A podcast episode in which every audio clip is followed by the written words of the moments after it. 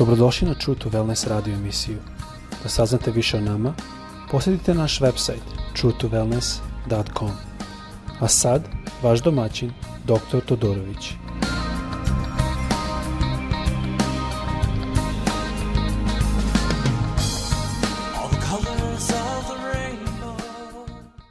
Ljubaznim pozdravljam vas, eh, dobrodošli na naš podcast. Želim da se izviniti, moj srpski malo teži kao što vjerojatno znate. Um, sada želim da završim naše studije psalma 51. A, prvo smo govorili o tome kako David pokazuje sa, ver, sa prvim stihom a, njegovo znanje Bože karaktera.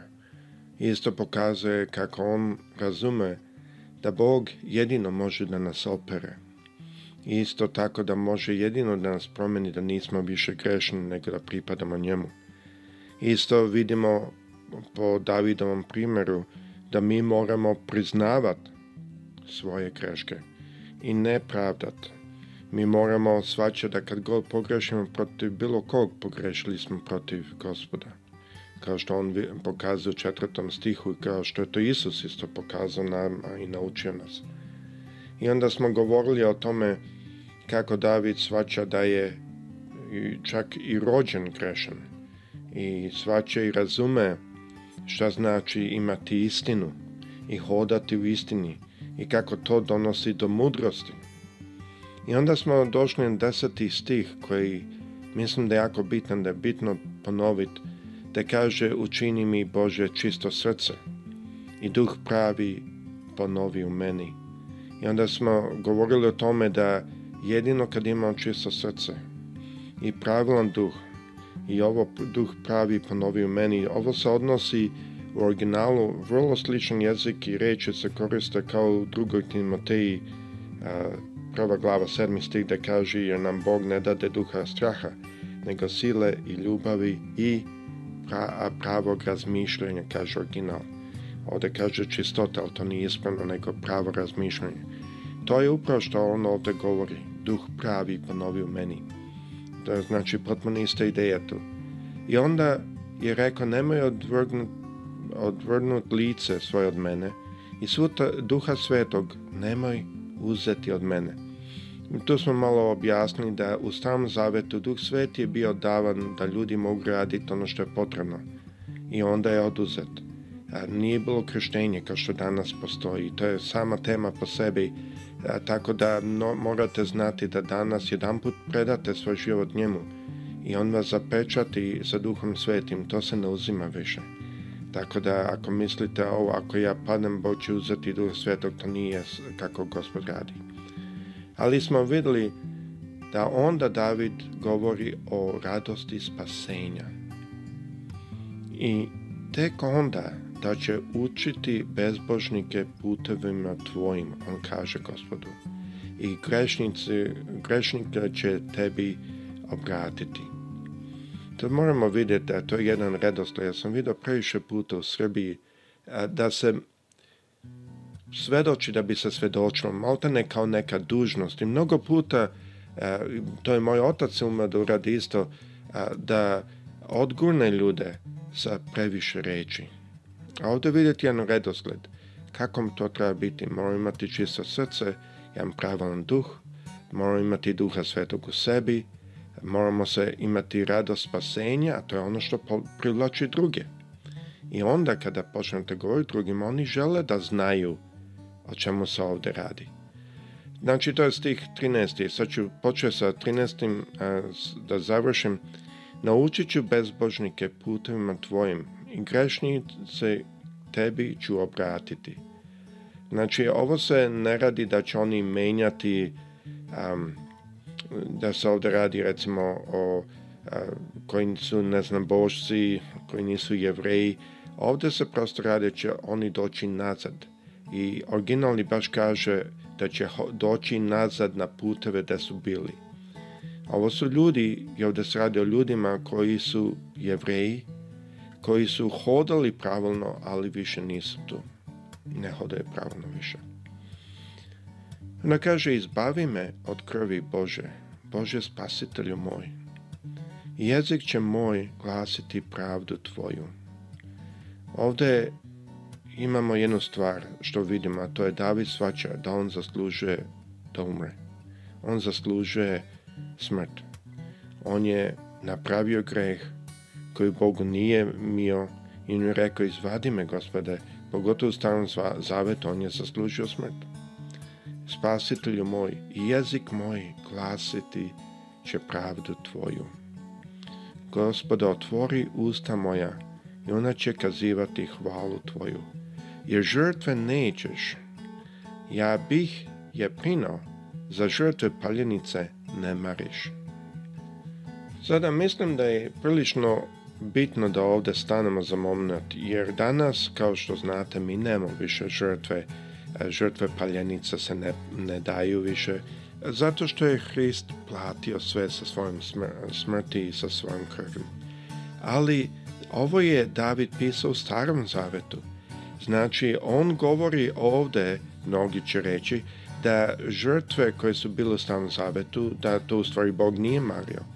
Ali on nije to rekao on je rekao da žrtve, jer žrtve nećeš jer bih ja prinao. Zašto ne prima žrtvu? Zato što on imao greh u sebi. Njegov stav nije bio ispravan. Sada u to doba je bilo da su se žrtve paljenice prinosile, ali što on ovdje ukazuje da je jako bitno imati pravilan stav. Sada Isus je danas sve platio, tako da za današnje doba Isus je sve platio ali mnogi ljudi i dalje pokušavaju doneti da žrtve gospodu. Žrtvovati se za ovo, žrtvovati se za ono, idemo ovde da svedočem, idemo onda mislim da će to Bog volet. I ovde što možemo naučiti je da kada radimo stvari za Boga, nije toliko bitno ta žrtva, više je bitno stav sa kojom se donosi ta žrtva. Ovo je isto u Starozaveti i, i ovo je Isus spomenuo kad je odgovarao je e, farisejima i saducejima. Ne znam da se sećate, on je baš spomenuo ovaj stih. Tako da mi ovde vidimo da David prepoznaje da naš gospod nije toliko za neku žrtvu, nego za stav pokajanja. On nije toliko za da se ubija nešto i da se donosi neko meso, da se gori, kao što su oni to tada radili, nego da je to stav pokajanje što on želi. Žrtva je Bogu, 17. sti kaže, duh skrušen, srce skrušeno i poništeno ne odbacuješ Bože. Ovdje on sada vrlo jasno objašnjava šta je taj, to što Bog želi. Žrtva je Bogu duh skrušen. Šta to znači? Duh koji nije pun sam sebe. Duh koji ume to jest osoba koja ume da razmišlja i misli kako li će ovo delovati na njih, da li ja mogu pomoći. Neko koji nije naklonjen da se smeje drugom. Neko koji nije naklonjen da spusti drugog. To su ljudi koji su skrušeni, ljudi koji su ponizni. Drugim rečima, kaže srce skrušeno i poništeno, po, a, poništeno ili ponizno bi trebalo da, da ovde piše, ne odbacuješ. Ako mi dođemo gospodu i dođemo prazni samog sebe. Dođemo ponizni.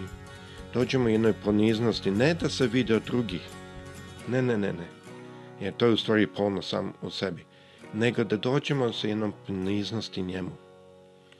Onda on kaže ovde, ne odbacuješ, Bože.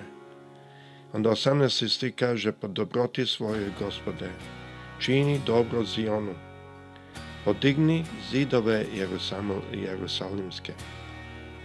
Sada ovo je prilično zanimljivo da on ovde to kaže jer i u toku života Davidovog zidovi Jerusalimski nisu bili srušeni. Sada ne znam kako je on ovde to pisao, može da je ovo proročki pisao jer nekih 400-500 godina kasnije zidovi Jerusalimski su srušeni od strane Nabukonozora. Moj pogled lično je da je on ovo proročki iznao i izgovorio. I zanjisti kaže, onda će ti biti mile žrtve pravde. Prinosi i žrtve paljenice. Onda će metati na žrtnik tvoje telce. Sada ovde je jako bitno da shvatimo da iako žrtva je plaćena, cena je plaćena, Hrist je to sve platio, ali taj duh koji Bog želi od nas, taj ponosni, iskrušeni duh, to je i dalje tu. On i dalje želi potpuno isustva. Druga stvar što sam želao da vidite kroz ovu studiju Psalma 51 je koliko je David bio blizu i svađao našeg gospoda mnogo više no mnogi što u Novom Zavetu danas svaćaju da je Isus naš gospod otkrio i ukazao ko je i kakav je gospod i kako je njegov srce i, i kako mi možemo njemu doći kroz tu žrtvu. Ali David, koji nije imao tu privilegiju da čita Novi Zavet, koji nije imao tu privilegiju da u fizičkom barem vidi Hrista, ne znamo da li on video dan u proročkom smislu da je video i da je pisao tome, ali u fizičkom on nije čuo učenja Hristova. Ali vidite koliko je on blizu bio ono što Isus Hrist objašnjavao. Ovo je ujedno i razlog zašto mnogo puta vi vidite recimo Novi Zavet sa psalmima je uključen. Psalmi, psalmi su mnogo puta pisani sa jednim otvorenim pogledom na Novi Zavet. I David, kralj David, je imao jednu tu mogućnost i to srce i taj a, e, duh da vidi i da shvati ko je naš gospod, ko je Bog i šta Bog želi.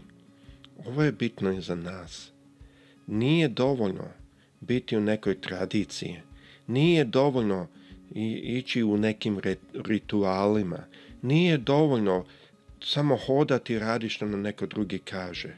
Gospod želi da ga poznamo. Jer onda kad ga poznamo, onda se uzdamo njega. Kao ja, na primjer, kad znam mog ličnog oca, moj otac je sa gospodom, naime, ali dok je bio s nama ovde, ja sam znao, ako meni pukne guma, ja ga nazovem i on kaže, doći ću, ja znam da će on doći. Ja se ne pitam da li će on doći, već iz nekog razloga da on ne može doći. A tako, kamo li više, ako mi upoznamo našeg nebeš, nebeskog oca, ne kroz rituale i tradicije, nego lično, onda mi počnemo da se uzdamo njega, zato što znamo njegovo srce i znamo njegovu veličinu i dobrotu, a to ne možemo upoznati bez da njega upoznamo prvo. Zato bi vas ohrabrio ceo psalm 51. Najviše nas uči u tome da upoznamo srce gospoda našega. Ja se nadam da vam je ovo od koristi i nadam se da jedna molitva se rodi u vašim srcima koja kaže gospode želim da te poznam bolje, želim da znam ko si, želim da znam kakvo je tvoje srce, želim da tebe bolje znam. Gospod sa svima vama, prijetno.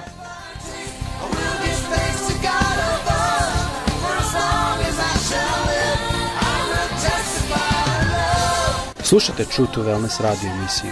Pridružite nam se ponovo svaki utorak, četvrtak i subotu. Za kontakt molimo posjetite naš website truetowellness.com. Naša e-mail adresa je info at truetowellness.com.